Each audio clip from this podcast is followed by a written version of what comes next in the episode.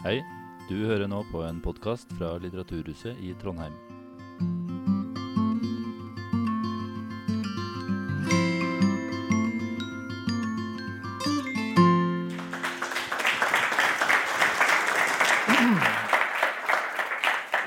Ja, tusen takk for det. Eh, die Vernichtung der feindlichen Streitkraft, Streitkraft ist die Grundlage aller kriegerischen Handlungen. Tilintetgjørelse av fiendens væpnede styrker ligger til grunn for alle militære operasjoner, skriver Carl von Clauswitz i sitt klassiske verk om krigen. Han fortsetter med å hevde at dette ønsket om å tilintetgjøre fiendens væpnede styrker er krigens førstefødte sønn. Hva legger så Clausewitz i begreper som tilintetgjørelseskrig, tilintetgjørelsesprinsipp og tilintetgjørelse av motstanderen eller fiendens væpnede styrker?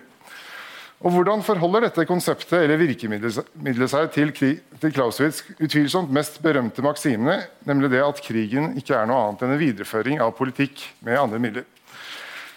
Og Hva om middelet ender opp med å bli et politisk mål i seg selv, slik det kan argumenteres for at skjedde på østfronten i andre verdenskrig?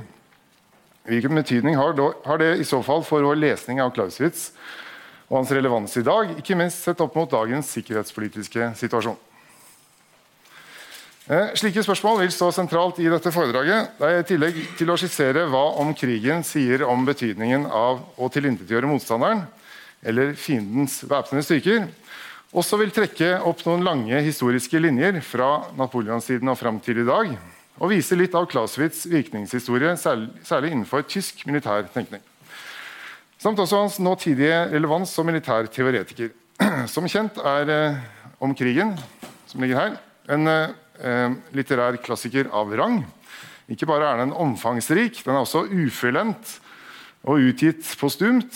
Og inneholder noen sitater som er så berømte at selv folk som aldri har holdt boka mellom hendene, kan få inntrykk av at de faktisk har lest den. Det er derfor fullt mulig å finne støtte til mange forskjellige lesninger og tolkninger med utgangspunkt i om krigen, samtidig som det og så er det noen eh, nokså uforanderlige ting som går gjennom hele verket, nemlig krigens natur. Som Clausewitz definerer som ekstrem voldsbruk, uten at det i krig egentlig eksisterer noen logiske begrensninger for denne voldsbruken. Med mindre de er definert av politiske målsettinger, som igjen kan påvirkes nettopp av tendensen til eskalering som ligger innbakt i selve krigens natur. Disse poengene skal jeg komme tilbake til, men uh, først så tenkte jeg at jeg skulle si litt om mannen og hans tid, slik at vi har klart for oss den historiske konteksten som verket om krigen blir skapt i. Carl Philipp Gottfried von Clausewitz ble født den 1. juli 1780 i den lille byen Burg bei Magdeburg. Ja, uh, omtrent ti mil sørvest for Berlin, helt vest i kjerneområdet uh, av det som da var kongeriket Prøysen. Han var den fjerde og yngste sønnen til et borgerlig foreldrepar, der faren hadde tjenestegjort i hæren og deretter fått en stilling i lokaladministrasjonen. Hans forfedre på farssiden var teologer og prester, mens bestefaren på morssiden hadde hatt ansvar for driften av en del av kongens kronegods. Eh, hans mor og bestemødre var slik det gjerne var på den tiden, hjemmeværende husfruer. Først i 1827 så fikk Clausewitz endelig stadfestet sin adelige byrd etter at både han og to av hans brødre hadde tjenestegjort nesten hele livet i det militære og oppnådd grad av general. De hadde da gjennomlevd en av de mest omkalfatrende tidsperiodene i hele europeisk historie. Det vi i ettertid omtaler som opplysningstiden, revolusjonstiden, napoleonstiden og restaurasjonen. Nye tanker og ideer om det meste mellom himmel og jord var i omløp og ga seg utslag i vidtfavnende og ofte helt grunnleggende endringsprosesser. Både politisk, sosialt, økonomisk og ikke minst kulturelt, og på det akademiske og utdanningsmessige området. I Tyskland var dette tiden da bl.a. Goethe og Schiller, Hölderin og Humboldt, Hegel, Beethoven og Caspar David Friedrich var i full virksomhet.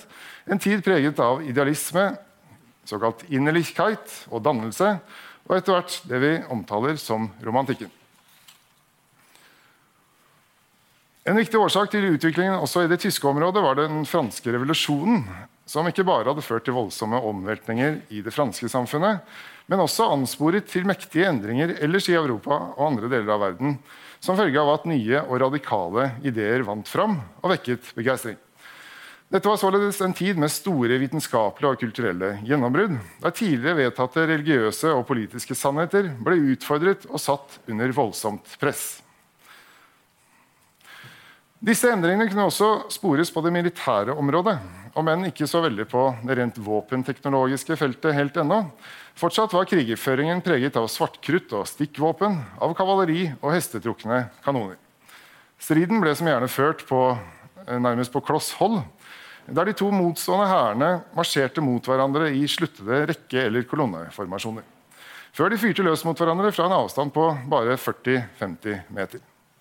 Det er ikke uten grunn at det tyske ordet for slag, altså slakt, betyr nettopp det. Altså slakt, nærmest, nærmere bestemt menneskeslakt.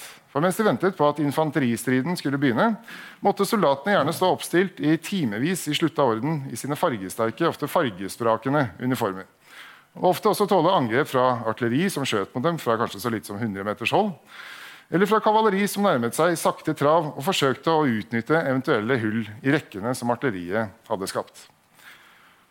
Slagfeltet var som regel et åpent, avgrenset sted, som ofte ikke større enn noen få kvadratkilometer til sammen. Men for å komme dit så hadde soldatene gjerne marsjert flere titalls kilometer, for så å legge seg på det som ofte var en våt og frossen mark. Da de sto opp igjen, så var det for å tilbringe en hel dag i ytterste livsfare, stående på en nedtrampet og ofte gjørmete jordflekk, som gradvis ble enda mer sølete etter hvert som kampene tiltok og tapene, grad, tapene gradvis ble flere. Datidens slagmark var således et farlig, illeluktende og ikke minst veldig bråkete sted, der soldatenes mulighet til å se hva som faktisk skjedde rundt dem, ble sterkt begrenset av kruttrøyken som drev over slagfeltet fra kanoner og geværer. Her måtte altså soldatene stå oppreist mens de forsøkte å forholde seg til kommandorop, skrik fra de sårede og lemlestede, som, som ifølge Clausewitz slo med jamrende slag mot vårt bankende hjerte. Vrinsk fra dødsredde soldater, den vislende lyden av kuler som forkynte sitt nærvær med det Clausewitz omtalte som en kort, skarp lyd idet de suser rett forbi øre, hode og sjel. En konstant kakafoni av eksplosjoner og avfyrte skudd det ikke var mulig å forbli upåvirket av. Iblandet et og annet musikalsk innslag fra hornblåsere og trommeslagere, til og med sekkepiper hvis det var skotter involvert. Det er slik sett ikke til å undres over at spritrasjonene til soldatene var til dels meget romslige, slik at mange av dem ville ha vært nokså fulle mens slaget sto på. I den grad at det høyst sannsynlig påvirket treffsikkerheten, selv på så korte, avstander som noen titalls meter. Likevel var tapsprosenten på et slag sent på 1700-tallet og tidlig på 1800-tallet svært høy, og mennene som sto tett sammensluttet i rekkene, var fullstendig klare over at så mange som kanskje, kanskje så mange som en fjerdedel av dem kom til å bli drept eller såret i løpet av dagen. Litt avhengig av om de var på den seirende eller tapende siden. Og de visste også at Hvis de ble såret, så fantes det ikke noen smertestillende medisiner eller leger til å utføre mer enn en ytterst rudimentære behandling. Det var derfor heller ikke, heller ikke for ingenting at underoffiserer og offiserer i liten grad bar offensive skytevåpen, men derimot våpen som var bedre egnet til å drive sine egne folk framover, eller å hindre dem i å stikke av. Så Denne verden ble altså da Carl von Clausewitz kastet inn i som tolvåring. Som pur ung fanejunker deltok han nemlig i kampene mot franskmennene våren og vinteren 1793, da den franske hæren ble drevet ut av Rhinområdene og også måtte oppgi byen Mainz som delvis ble skutt i brann til den unge Clausewitz' udelte begeistring. Goethe, som også observerte det hele, mente også at synet hadde vært slående vakkert fra der han sto på trygg avstand, mens den unge Clausewitz trolig hadde vært eh, bare centimeter unna død og lemlestelse flere ganger. Begge de to øvrige fanejunkerne i Clausewitz' regiment døde nemlig av påkjenningene under krigen. Det var imidlertid ikke som en traumatisert barnesoldat at Carl von Clausewitz vendte tilbake til Prøysen to år senere. Eller kanskje det var nettopp det han var blitt. For Som den krigsveteranen han jo var, så var han i hvert fall blitt lysten på mer. Noe som også preget ham i den neste perioden av hans liv, da han begynte med intense studier av historie og litteratur. For også krigen var nemlig i radikal endring på en måte som snart skulle gi seg nedslag over hele Europa på dramatisk vis. En av effektene av den franske revolusjonen var nemlig at franskmenn strømmet til hæren for å forsvare fedrelandet. Da det gikk dårlig i kampene bl.a. den unge Carl, eh, von Clausewitz var involvert i tidlig på 1790-tallet. Disse folkeoppstandene, eller levé en masse, institusjonalisert som allmenn verneplikt i 1798, radikaliserte både fransk innenriks- og utenrikspolitikk. Og da Napoleon Bonaparte gjorde statskupp i 1799, lå alt til rette for en gjennommilitarisering av det franske samfunnet. Men det var, var, det ikke bare det gamle regimets statsapparat som ble involvert i statens militære anliggender, men derimot samtlige franske borgere. Med et mer moderne uttrykk kan vi dermed si at krigen ble totalisert ved, at, ved å trekke inn sivilbefolkningen, samt, samtidig som den også ble ideologisert. Dvs. Si, ført som en krig mellom såkalte verdensanskuelser, både utad mot Frankrikes ytre fiender, som snart innbefattet så godt som hele Europa, og innad der såkalte indre fiender ble forsøkt utryddet med terror. Samtidig ble hele det franske samfunnet organisert i tråd med hierarkiske militære prinsipper, noe som gjorde veien kort til militærkupp og diktatur, personifisert i Napoleons skikkelse. Ved utgangen av 1700-tallet hadde dermed krigen skiftet karakter på avgjørende vis. Gjennom Levé en masse fikk Frankrike tilgang på ubegrensede mannskapsressurser, soldater som i tillegg kjempet for sitt eget land, og ikke en fjern og kanskje despotisk konge. I tillegg ble gamle privilegier opphevet, og nye muligheter åpnet gjennom krigstjeneste for folk fra lavere samfunnsklasser, som, kunne, som kunne nå langt hvis de hadde de rette evnene. Som om ikke det var nok, så hadde den franske hæren også fordelen av å stort sett operere på fremmed territorium, slik at plyndring og rekvisisjoner ikke gikk ut over landets befolkning. Alle disse faktorene ville imidlertid ikke vært like effektive hvis det ikke hadde vært for at Napoleon Bonaparte sørget for å knytte disse ulike reformene og ideene sammen til et nytt hele. La Grande Armée, som Napoleon bygde opp i 1804-05, var et fryktinngytende militærinstrument bare i kraft av sin størrelse på 350 000 mann. Men det inneholdt også en rekke organisatoriske og taktiske nyvinninger. For det første ble hæren inndelt i mindre enheter. To bataljoner som dannet et regiment, to regimenter, en brigade, to brigader, en divisjon, og over der igjen armékorpset, som besto av to eller flere divisjoner, og både artilleri, kavaleri og infanteri. Slik at korpsene var i stand til å operere uavhengig av hverandre, samtidig som styrkene var store nok til at de, til at de ikke kunne nedkjempes på en ettermiddag, som det er blitt sagt. Napoleon la også stor vekt på å planlegge forsyningslinjene slik at hæren kunne etterforsynes i i felt, noe som økte dens aksjonsradius betydelig. I tillegg til at han la avgjørende vekt på at hæren skulle gå svært offensivt til verks for å bryte gjennom og rulle opp de fiendtlige styrkene, og deretter nådeløst forfølge dem til de var redusert til en flyktende menneskemasse. 13 år etter at han hadde kjempet mot franskmennene for første gang, fikk Carl von Clausewitz erfare effektene av de franske nyvinningene da han sammen med resten av den prøyssiske hæren opplevde et alvorlig nederlag i dobbeltslaget ved Jena og Auerstedt i oktober 1806. Dette var mindre enn ett år etter at Napoleon hadde knust den russiske østerriksk hær i det berømte slaget ved Austerlitz i desember 1805. Men da det ble erklært krig mellom Frankrike og Prøysen året etter, hadde Clausewitz vært riktig så fornøyd. Og Senere denne høsten skrev han hjem til sin kjæreste, høyadelskvinnen og eh, hoffdamen Marie Sofie grevinne von Bryl, som han hadde forlovet seg med i hemmelighet, ettersom han rent standsmessig sto langt under henne i status, at Mitt fedreland trenger en krig, og for å være ærlig er det kun krig som kan bringe meg til mitt eget mål. Eh, uansett hvordan jeg ønsket å knytte mitt liv til verden for øvrig, har min vei alltid ledet mot et stort slagfelt. Om jeg ikke kommer meg til det slaget, vil jeg aldri oppleve varig lykke. Ser man romantisk på det, kan vi kanskje lese inn i brevet at Carl von Clausewitz med varig lykke har ment at slaget ville gi ham mulighet til å gifte seg med, med Marie. Men sett opp mot eh, brevet han skrev til henne bare noen uker senere, kan man få inntrykk av at det er slaget i seg selv han ser fram til. Om to eller tre dager vil det stå et slag som hele hæren venter ivrig på. Personlig ser jeg fram til dette med den samme glede som jeg ville gjort om det var mitt eget bryllup. Noe som jo i ettertid framstår som litt underlig eh, å skrive til sin framtidige brud. Utfordringene Carl von Clausewitz sto ovenfor da han skulle inngå ekteskap med Marie von Bryl, leknet altså med det brutale møtet med Napoleons La Grande Armée den 14. oktober 1806. Som oberstløytnant Harald Høybakk har formulert det, da prøysserne sto på morgenen, var de en av Europas stormakter. Da de gikk og la seg om kvelden, kunne de ikke engang være sikre på om de ville være å finne på et europakart i framtiden. Slaget ved Jena var et nokså kaotisk slag, der situasjonen lenge sto og vippet, men der avgjørelsen falt tidlig på ettermiddagen som følge av prøyssisk inaktivitet og tilsvarende initiativrik kampledelse fra Napoleons side. Resultatet ble til slutt at Prøysen hadde mistet rundt en tredjedel av hæren bare i løpet av én dags kamper.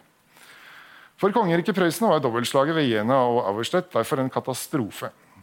Prøysen ble nå redusert til et fransk lydrike, noe som ledet til krav om reformer og febrilsk leting etter nye løsninger for å gjenreise gammel storhet. Både Carl von Clausewitz og boken hans om krigen gjenspeiler på mange måter denne reformiveren. Og slik sett kan vi kanskje si at uh, verket hans står i dyp gjeld til tre viktige personer som alle skulle bli sentrale for hans liv, men også for hans verk. Det vil si hans erkefiende Napoleon Bonaparte, som han riktignok også respekterte og beundret.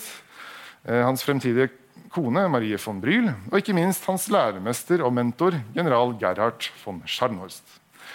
I den nasjonale selvransakelsen og reformprosessen som fulgte etter nederlaget i 1806, fikk nemlig Scharnhorst en sentral posisjon i den prøyssiske staten.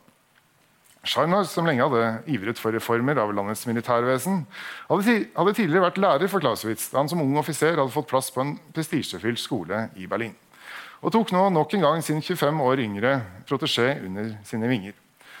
Først måtte riktignok Clausewitz tilbringe et år i fransk krigsfangenskap, der han til tross for på alle måter utsøkt behandling likevel lærte seg å forakte franskmenn generelt og det franske kjøkken spesielt. Beundringen for Napoleons geni som feltherre holdt seg imidlertid like sterk. Og I årene som fulgte, la han mye av sin egen energi ned i arbeidet med å forstå hva det var som hadde gjort hans erkefiende så uovervinnelig på slagmarken. Dette intellektuelle arbeidet skulle også komme til å føre ham nærmere Marie på mer enn én måte. Rent praktisk gjorde hans intellektuelle virksomhet at han fikk viktige stillinger, og med Scharnhorsts beskyttelse kunne han snart titulere seg både krigsskolelærer og huslærer i militære fag for selveste kronprinsen av Prøysen. Han ble forfremmet, og hans nye stilling i samfunnet gjorde at han endelig kunne tre inn i den hellige ektestand sammen med Marie. På dette tidspunktet hadde de imidlertid korrespondert flittig lenge allerede, og i ettertid framstår nettopp denne korrespondansen mellom Marie og Carl Clausewitz som svært sentral for det verket mannen senere skulle skrive, men som hustruen til slutt skulle ende opp med å publisere etter ektemannens død. Ikke bare sørget Marie for å arkivere de mange utkastene, skissene og ideene som Carl nedtegnet, hun kom også med egne innspill, og i møte med henne måtte Carl også formulere seg annerledes enn overfor sine offiserskollegaer. Samtalene med Marie kan derfor utvilsomt ha bidratt til å gi boken den formen den fikk, Eh, det vil si at Den nærmer seg sitt tema fra et nokså abstrakt utgangspunkt og analyserer sitt tema med et henblikk på å finne allmenngyldige prinsipper og sannheter. Dette arbeidet skulle Carl von Clausewitz få rikelig med tid til å fordype seg i da napoleonskrigene endelig gikk mot slutten. Litt av grunnen til det var at Han i 1812 meldte seg til tjeneste for russerne for å kjempe mot Napoleon, som Prøysen da var i allianse med. Selv om han vendte tilbake til prøyssisk uniform etter at hjemlandet skiftet side som følge av Napoleons katastrofale nederlag eh, i Russland, heftet dette ved ham, og han fikk aldri noen selvstendig kommando. Til det ble han ansett som for upålitelig og radikal. I stedet fikk han en administrativ direktørstilling ved krigsskolen i Berlin, der han til tross for sin generalsgrad ikke virker å ha hatt særlig ansvar for, noe, for nær sagt noe som helst, og fullt og helt kunne vie seg til studier i krigsskolens velfylte bibliotek. Resultatet ble som kjent det klassiske verket om krigen, som helt klart må regnes som en av de fremste militærteoretiske klassikerne som noen gang er skrevet. Til sammen består verket av 128 kapitler som er gruppert i åtte bøker. Den første boken, som er den eneste Clausewitz selv eh, anså som ferdig, er titulert 'Om krigens natur' og setter rammene for resten av verket. Deretter følger han så opp med bøkene om militærteori, om strategi generelt, trefningen, de væpnede styrker, forsvar angrep og krigsplan. Denne oppbyggingen virker kanskje besnærende logisk, men noe av verkets styrke ligger i det at han utvikler og belyser de ideene han skisserer tidlig i verket, kontinuerlig gjennom de senere delene av Om krigen. Vi skal derfor se litt nærmere på hva Clausewitz skriver i kapittel, eh, bok 1, kapittel 1 i sin store bok, som har kapitteltittelen 'Hva er krig?' et spørsmål som fanger inn selve essensen i hans litterære og vitenskapelige prosjekt, og som også bidrar til å gjøre det så allmenngyldig at vi fortsatt kan lese det med stort utbytte nesten 200 år senere. Riktignok er Clausewitz tydelig på at han ikke er ute etter å presentere noen tung teoretisk definisjon av krigen. Snarere presenterer han et semilitterært bilde på hva krig er, nemlig det som ifølge ham er krigens grunnleggende bestanddel, dvs. Si tvekampen. Slik Clausewitz utlegger det, er krig nemlig eh, ikke annet enn en utvidet tvekamp. Hvis vi skal forestille oss de utallige enkeltstående tvekampene som krigen består av, som en helhet, gjør vi det best ved å forestille oss to personer som slåss. Begge bruker fysisk vold i et forsøk på å tvinge den andre til å gjøre som han vil. Clausewitz er altså klokkeklar på at krig dypest sett er organisert voldsbruk overfor en motstander, er hensikten med voldsbruken, som altså er middelet som skal benyttes for å oppnå hensikten, nettopp er å påtvinge fienden vår vilje. Å tro at det går an å oppnå denne hensikten uten voldsbruk og blodsutgytelse, avfeies som en misforståelse av Clausewitz, som i stedet altså understreker at krigen er en voldshandling, og det finnes ingen logiske grenser for bruken av vold. Dette er vel verdt å ha i mente når Clausewitz så går videre til å poengtere at denne potensielt ekstreme voldsbruken faktisk har en hensikt. Den er som Clausewitz skriver, alltid en politisk handling. Selv om vi også skal merke oss følgende sitat. Den politiske hensikten gjennomsyrer alle militære operasjoner og har en vedvarende innflytelse på dem, i den grad operasjonenes voldelige natur tillater det. Når Clausewitz skriver at krigen er en ren fortsettelse av politikken med andre midler, og at krigen er et middel som aldri kan eh, betraktes isolert fra hensikten, er det derfor svært viktig at vi tar inn over oss at dette middelet uunngåelig innebærer ekstrem og potensielt grenseløs voldsbruk. Dette har kanskje en tendens til å forsvinne litt i mange av dagens referanser til Clausewitz, særlig fra statsvitenskapelig hold, som gjerne understreker det, understreker det politiske aspektet ved bruken av militærmakt. Men dette risikerer å underspille hva krig faktisk er for noe, slik Clausewitz utlegger det. Det er blod og gørr, avskutte lemmer, ødelagte liv, uendelig smerte og syn man aldri kan glemme. Carl von Clausewitz visste alt dette, for han hadde sett det helt fra ung alder. Og ikke minst, han aksepterte det som en del av tingenes naturlige orden. Eller som han sa, Det er fåfengt og feilaktig å se bort fra krigens råskap bare fordi man føler motvilje mot den. Clausewitz tar altså ikke stilling for eller mot krigen. Altså, han forsøker bare å forstå dens natur. Og For å gjøre det trekker han fram det han omtaler som krigens treenighet, noe, noe som kommer godt fram i dette berømte sitatet fra om krigen. Krigen er ikke bare en ekte kameleon fordi den i ethvert konkret tilfelle endrer sitt særpreg litt. Den er også som helhet betraktet og i sine iboende tilbøyeligheter en eiendommelig treenighet sammensatt av krigens grunnleggende voldelige karakter, dvs. Si hatet og fiendskapet, som anses som en blind naturdrift, eh, av sannsynlighetens og tilfeldighetenes spill, hvor den kreative sjel får fritt spillerom, av krigens funksjon som underordnet politisk verktøy og dermed til gjenstand for ren fornuft. Slik Clausewitz ser det, retter treenighetens første faktor seg inn mot folket, som må brenne av lidenskapelig hat for at volden virkelig skal få fritt spillerom. Den andre faktoren gjelder feltherren og hans styrker, og hvordan mot, dristighet og klartenkthet i alvorlige situasjoner kan påvirke tilfeldighetenes spill. Mens den tredje faktoren angår det politiske nivået, dvs. Si regjeringen. Så Ekstrem voldsbruk brakt fram av lidenskapelig hat er derfor en helt grunnleggende, avgjørende bestanddel i krigens natur. Og I den forbindelse kommer Clausewitz inn på det konseptet som har gitt tittel til dette foredraget, nemlig å tilintetgjøre motstanderen. Og Hvilken sammenheng dette har med nokså mørke og samtidig dypt menneskelige følelser og drifter. Clausewitz er nemlig helt tydelig på at om krigen er en voldshandling, så er det ikke til å unngå at følelser blir involvert. I den grad at også selv de mest siviliserte folkeslag kan hate hverandre med brennende lidenskap. Man ser av dette hvor feilaktig det vil være å tenke seg at krig mellom siviliserte folkeslag bare er et resultat av rasjonelle handlinger fra regjeringens side, og at krigen gradvis har kvittet seg med enhver lidenskap. I så måte er Clausewitz heller ikke noen optimist på vegne av samfunnsutviklingen.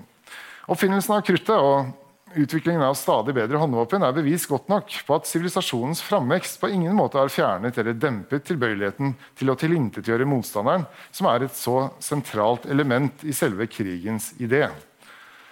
Å tilintetgjøre fienden går dermed helt til kjernen av hva krig er for noe, slik Clausewitz ser det, og knytter på sett og vis dette opp til selve menneskets egenart. Samtidig er Clausewitz tydelig på at det å tilintetgjøre motstanderen ikke nødvendigvis betyr å utslette ham, selv om det kan bety det også. Å nedkjempe motstanderen slik at han godtar å innrette seg etter vår vilje, fordrer nemlig at man overvinner tre faktorer hos motstanderen, nemlig de væpnede styrker, eh, territoriet og fiendens vilje. Det gjelder da å erobre det fiendtlige landet og knekke fiendens vilje, men få ting er bedre egnet til å oppnå dette målet enn nettopp det å tilintetgjøre fiendens væpnede styrker. Dvs. Si at de settes i en tilstand hvor de ikke lenger kan fortsette kampen. Når vi snakker om å tilintetgjøre fiendens væpnede styrker, er det dette vi mener. skriver han. Men når det gjelder middelet for å oppnå det som er definert som mål for krigen, er det kun én ting som gjelder. Det er striden som finner sted i trefningen, og som Clausewitz grunnleggende sett definerer som krigens eneste virksomhet. Og I trefningen er det som Clausewitz skriver, slik at det å tilintetgjøre fiendens væpnede styrker alltid er middelet som skal til for å oppnå formålet med trefningen. Derav følger det som nevnt innledningsvis at tilintetgjørelse av fiendens væpnede styrker ligger til grunn for alle militære operasjoner. Slik at det i krig, slik Clausewitz ser det, dermed blir åpenbart at det å tilintetgjøre fiendens væpnede styrker alltid er det overlegne, det mest effektive middelet som ingen andre kan konkurrere med. Eller som Clausewitz skriver oppsummeringsvis av alle mulige hensikter med krig fremstår alltid tilintetgjørelse av fiendens væpnede styrker som den viktigste. Ja, den er, skriver han altså, krigens førstefødte sønn. Og Disse bemerkningene speiler etter alt å dømme Carl von Clausewitz sin egen erfaring i kampene mot Napoleon. Som historiker Rolf Hobson har bemerket, var en av lærdommene mange militære tenkere trakk ut av Napoleons krigføring, nettopp dette at strategiens mål var å oppsøke fiendens hovedstyrke og knuse den i et tilintetgjørende slag. Slik Clausewitz så det, hadde krigen i løpet av hans egen levetid antatt sin absolutte skikkelse, løsrevet fra sine tidligere begrensninger og kommet svært nær sin sanne natur, sin absolutte fullkommenhet, som han kalte det, under Napoleon Bonaparte. Årsaken var at folkene fikk delta i denne store statlige oppgaven, skriver Clausewitz, og resultatet ble at krigen nådde sin totale voldsutøvelse. Dette har riktignok ettertiden vist at langt fra var tilfellet, men det er igjen verdt å merke seg at Clausewitz egentlig ikke tar stilling til om absolutt krig er et gode eller ei. Han bare konstaterer at den fins, og forsøker å finne en måte å forholde seg til den på. Som han skriver, Formålet med boken er å vise hva krig faktisk er, ikke hva den ideelt sett burde være. Og En av måtene han gjør dette på, er å vektlegge betydningen av det avgjørende slaget. Og da på en måte som igjen understreker hans syn på betydningen av å tilintetgjøre fienden. Eller som han skriver, Krigens hovedprinsipp er å tilintetgjøre fiendens væpnede styrker. Og med hensyn til positiv handling er det avgjørende slaget hovedveien til målet. Slik Clausitz ser det, er dette en tosidig lov, hvor de to sidene gjensidig støtter hverandre. Loven sier at å tilintetgjøre fiendens væpnede styrker er noe vi hovedsakelig må tilstrebe ved hjelp av store slag, resultatene av dem, og at hovedformålet med store slag bør være å tilintetgjøre fiendens væpnede styrker. Vi utkjemper avgjørende slag kun for å tilintetgjøre fiendens væpnede styrker, og dette er noe vi bare oppnår i et avgjørende slag. Ja, så Clausewitz er altså grunnleggende sett positivt innstilt til dette avgjørende slaget som han skriver, må betraktes som konsentrert krig, som hele krigens eller felttogets tyngdepunkt. Slik solens stråler samles i hulspeilets brennpunkt som et fullkomment bilde av den, og konsentrerer dens glødende varme, slik forenes krigens krefter og omstendigheter i det avgjørende slaget til, til en konsentrert og intens virkning. Jo mer krigen blir til virkelig krig, jo mer den blir til et medium for fiendskap, hat og gjensidig underkastelse, desto mer konsentreres all aktivitet i blodig strid, og desto mer betydningsfullt blir det avgjørende slaget. Når vi vil oppnå en stor og positiv målsetning som griper dypt inn i motstanderens interesser, er det avgjørende slaget det mest naturlige middelet. Det er derfor også det beste middelet, men også den blodigste veien til en løsning. Men blod er alltid det avgjørende slagets pris, og dets karakter av nedslakting ligger i navnet slag. Slakt. Mennesket i feltherren viker tilbake for dette. Men enda mer skjelver menneskets ånd stilt overfor tanken på at en avgjørelse som faller med, ett eneste slag. Her presses all handling sammen til ett punkt i rom og tid. Dette er grunnen til at både regjeringer og feltherrer alltid har forsøkt å finne måter å unngå det avgjørende slaget på. Og forsøke å oppnå målsetninger på andre måter, eller stilltiende bare oppgi den. Men det krigens, eh, men det er ikke bare krigens konsept som ligger til grunn for at vi ønsker å oppnå en stor avgjørelse utelukkende i et avgjørende slag, men også erfaringen. Fra gammelt av er det bare store seire som har ført til store resultater. At den blodige nedslaktingen er et fryktelig skue, er bare en grunn til å vise krigen enda større respekt. Ikke, ikke til å gjøre sverdet sløvere av hensyn til menneskeheten. Dette er et tankevekkende sitat som ikke bare peker tilbake på hans egne erfaringer fra napoleonskrigene, men også tidligere kriger, samt ikke minst Prøysens utsatte geografiske posisjon med potensielle fiender på alle kanter. Med et relativt begrenset ressursgrunnlag og få naturlige forsvarslinjer innenfor grensene var denne svært aggressive måten å føre krig på, dvs. Si å møte fiendens styrker med full kraft i en kortvarig, intensiv kampanje som kulminerte i et avgjørende slag, en dyd av nødvendighet, og som dette sitatet viser, var det også noe Clausewitz på ingen måte vek tilbake for, snarere tvert imot. I den forbindelse er det også, også verdt å merke seg at dette sitatet i høyeste grad peker framover mot de to verdenskrigene. Også her la den tyske militære ledelsen stor vekt på å vinne et avgjørende slag. Også her la, la det vekt på å tilintetgjøre fienden. Men da ikke utelukkende forstått som fiendens væpnede styrker. Det er nemlig helt tydelig at det går en nokså klar og direkte linje fra Clausewitz eh, sin absolutte krig til den totale krig, som general Erich Ludendorff eh, propaganderte for etter første verdenskrig, og som rikspropagandaminister Josef Goebbels proklamerte i den andre der hele nasjonens fysiske og moralske ressurser skulle mobiliseres nærmest som i en Götterdämmerung, altså i en Ragnarok-aktig sluttstrid. Det er også lett å spore Clausewitz sin innflytelse på tysk militær doktrine under andre verdenskrig, ikke minst i den sentrale doktrinen Truppenführung, utgitt i 1933, samme år som nazistenes maktovertagelse i Tyskland. Truppenführung la i likhet med Clausewitz eh, sterk vekt på kravene, stilte, eh, kravene, krigen stilte til den enkelte soldat og offiser, men var også tydelig på at disse kravene måtte møtes med mot, disiplin, kreativitet og ikke minst en offensiv og aggressiv holdning. Det er derfor helt tydelig at Wehrmacht og Clausewitz snakket samme språk og representerte samme militære tradisjon. Det ser vi også i f.eks. ordredokumenter som eh, dette.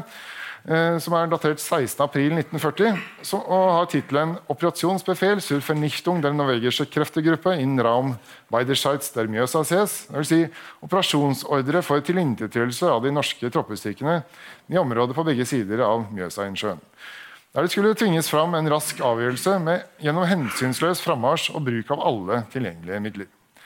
Det er viktig å presisere at general Nikolaus von Falkenhorst som utstedte denne orden, selvfølgelig ikke mente at mottakerne skulle utrydde de norske soldatene som hadde tatt stilling ved Mjøsa, til siste mann.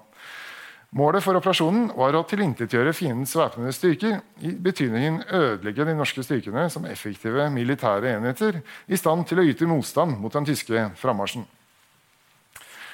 Likevel kan det ikke være noen tvil om at det både konseptuelt og språklig er kort vei fra det å skulle tilintetgjøre fiendens væpnede styrker til det å tilintetgjøre fienden som sådan.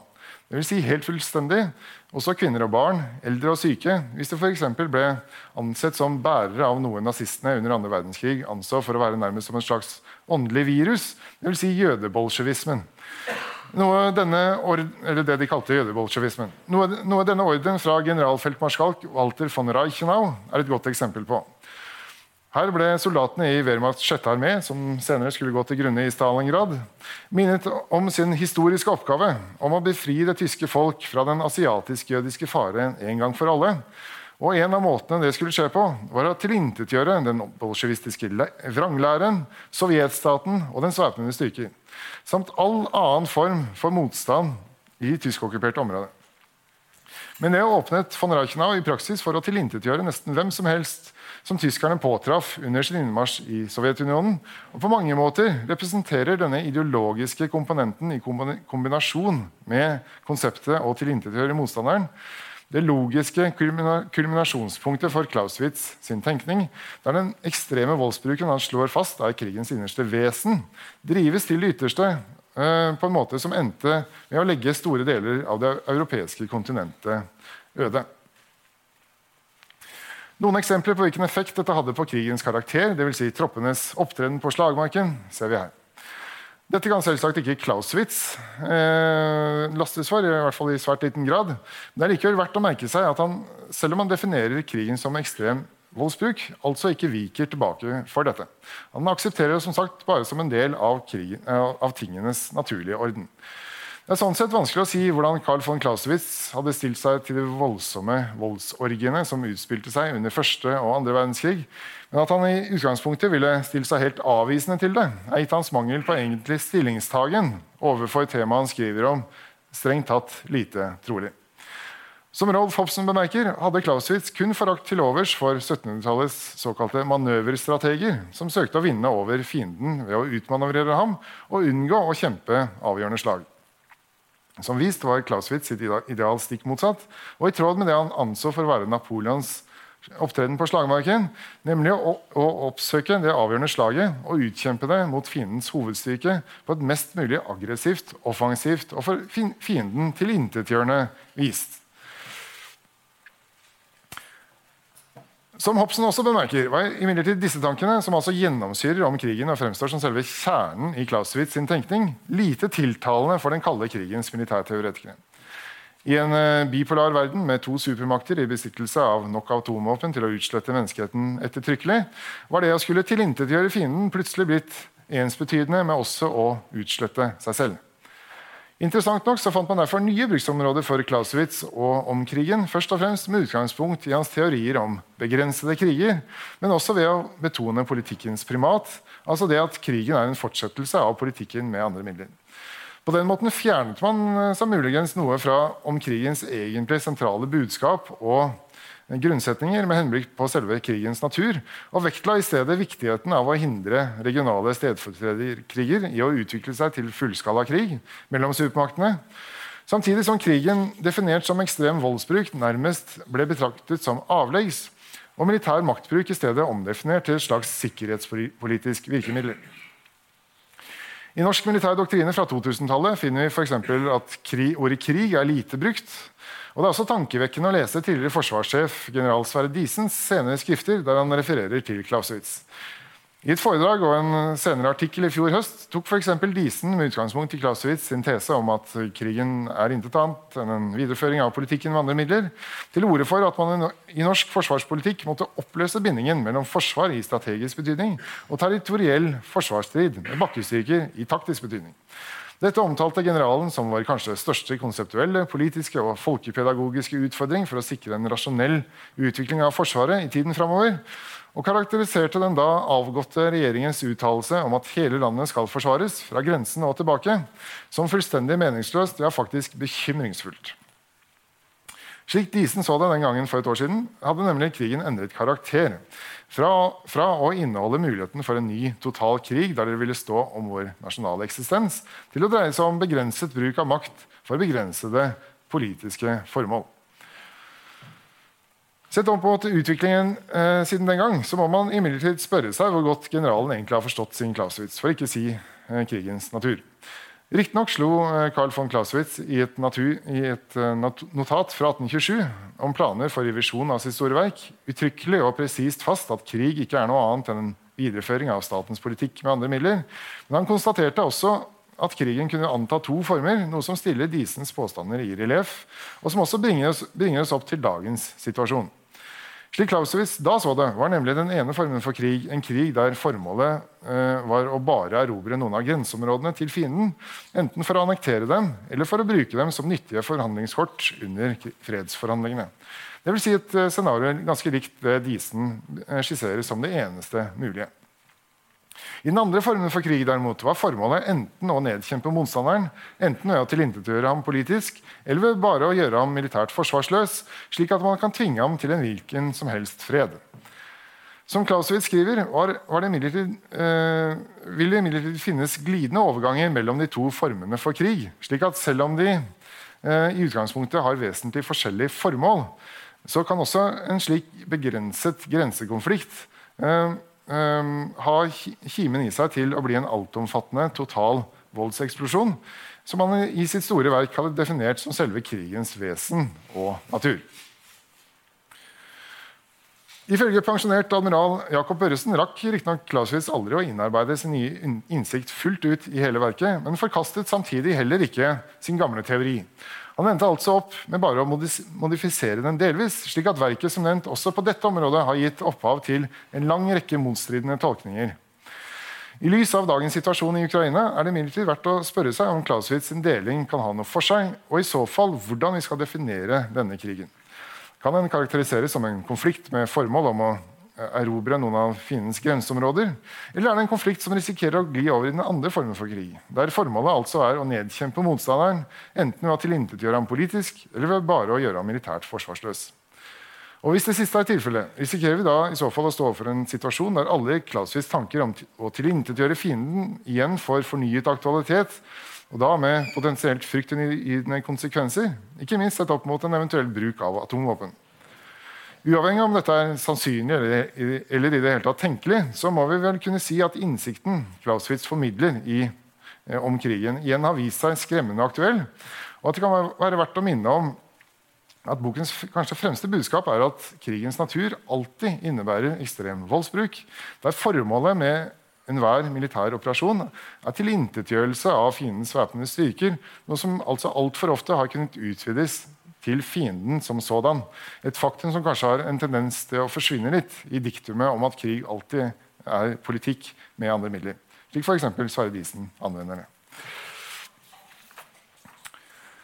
Innsikten Clausewitz formidler i om krigen, herunder eh, det, at det i krig egentlig ikke finnes noen logiske grenser for bruken av vold i forsøket på å tilintetgjøre fienden, er derfor kanskje verdt å ta med seg hvis man på et eller annet tidspunkt skal kunne klare å formulere en tanke som var for radikal til at Clausewitz var i stand til å uttrykke den, men som vi i atomalderen kanskje ikke kommer unna. Nemlig å undersøke om det finnes andre måter enn krig å avgjøre meningsforskjeller, politiske uenigheter og ulike territorielle krav på. Eller som Clausewitz eh, sin samtidige, filosofen Immanuel Kant, sa det i skriftet 'Den evige fred' fra 1795. En utryddelseskrig der utslettelsen kan ramme begge parter samtidig, og sammen med utryddelsen også alt som hører retten til, ville la den evige fred finne sted bare på menneskeslektens store kirkegård. En slik krig, og følgelig også bruken av midler som hører til den, kan altså rett og slett ikke være tillatt. Disse ordene framsatt for over 200 år siden er dessverre ikke noe mindre aktuelle i dag. Eh, og Utfordringen mennesker kan bli stilt overfor i fremtiden, er derfor å finne en tilnærming overfor en kanskje hensynsløs og hatefull fiende, som er i tråd med Kants prinsipper, uten at man gir etter for den samme fienden.